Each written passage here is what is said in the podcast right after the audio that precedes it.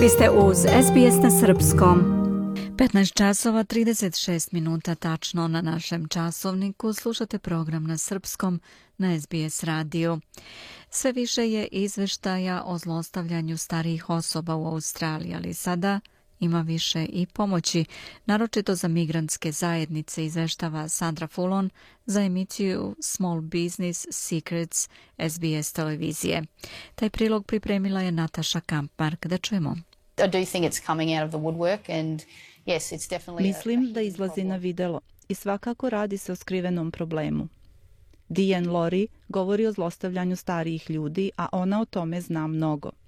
Poslednjih osam godina slušala je starije australijance u jedinice za prevenciju zlostavljanja starijih osoba u organizaciji Uniting Care u Brisbaneu. The majority of our calls are where an adult Većina poziva koje dobijamo su kada odraslo dete zlostavlja svoje roditelje, što znači da se zlostavljanje dešava u porodici. Oko 30 od 100 poziva dolazi od same starije osobe, ali uglavnom nas poziva neki drugi član porodice i to mahom neko ko ne odobrava ponašanje brata ili sestre i smatra da neprilično postupa prema roditelju. Sve su brojni izveštaji o zlostavljanju starijih osoba širom sveta – a u Australiji je nedavno istraživanje Instituta za porodične studije otkrilo iznenađujući porast slučajeva i ovde. Više od 15 od 100 svih starijih australijanaca iskusilo je zlostavljanje. To je oko 630.000 slučajeva prijavljenih u jednoj godini. Luke Lindsay je generalni direktor organizacije Uniting Care u Brisbaneu i kaže da je pogođen veliki broj australijanaca. We've taken around 3,500 notifications over the last 12 months and there are certain groups Primili smo oko 3.500 obaveštenja u posljednjih 12 meseci a postoje određene grupe pojedinaca, starijih ljudi, koji su izloženi većem riziku. Znamo, na primjer, da je nesrazmjerno veći broj žena.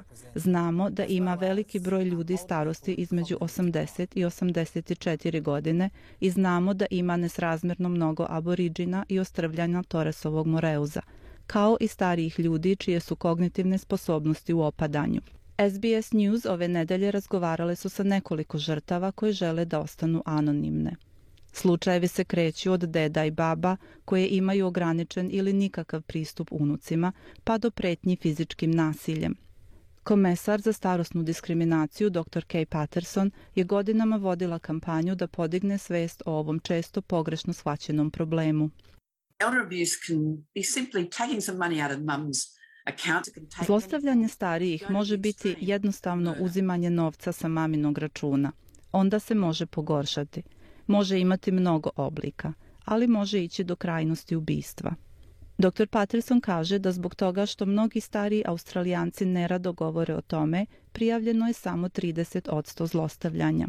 It's very serious. It's hidden. People don't report elder abuse. We know that from the research. Veoma je ozbiljno. Zlostavljanje starijih je skriveno jer ga ljudi ne prijavljuju.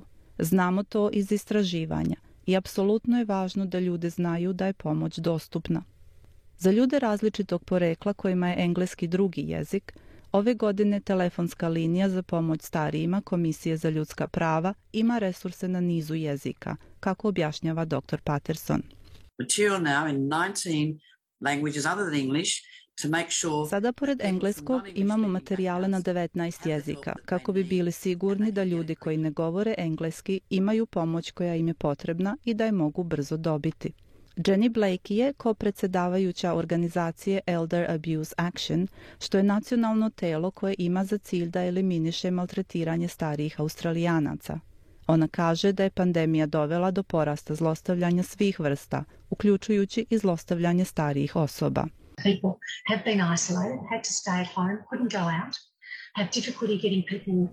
Ljudi su bili izolovani, morali su da ostanu kod kuće nisu mogli da izađu napolje. Teško su nalazile nekoga da izađe sa njima, a to znači da su primorani da ostanu kod kuće i to sa ljudima sa kojima nisu u dobrim odnosima, što pogoršava situaciju. Odnosi postaju zategnutiji i zlostavljanje se povećava. Drugi razlog je što je mnogo ljudi izgubilo posao tokom pandemije i tako opet porodice moraju da žive pod istim krovom. A sada, kada stvari malo popuštaju, mislim da vidimo kako se neke od tih nagomilanih potreba sada ispunjavaju jer ljudi mogu da nam se obrate. Za Diane Lori iz jedinice za prevenciju zlostavljanja starijih osoba u organizaciji Uniting Care, poruka je jasna. When you start feeling as though your family's not respecting you or not treating you appropriately, Kada osjetite da vas porodica ne poštuje ili da se ne ponaša pristojno, nazovite i razgovarajte o tome. To je bezbedan razgovor koji se neće širiti dalje. Bolje je obratiti se ranije i obaviti taj razgovor nego čekati da stvari eskaliraju. Želite da čujete još priča poput ove? Slušajte nas na Apple Podcast, Google Podcast, Spotify ili odakle god slušate podcast.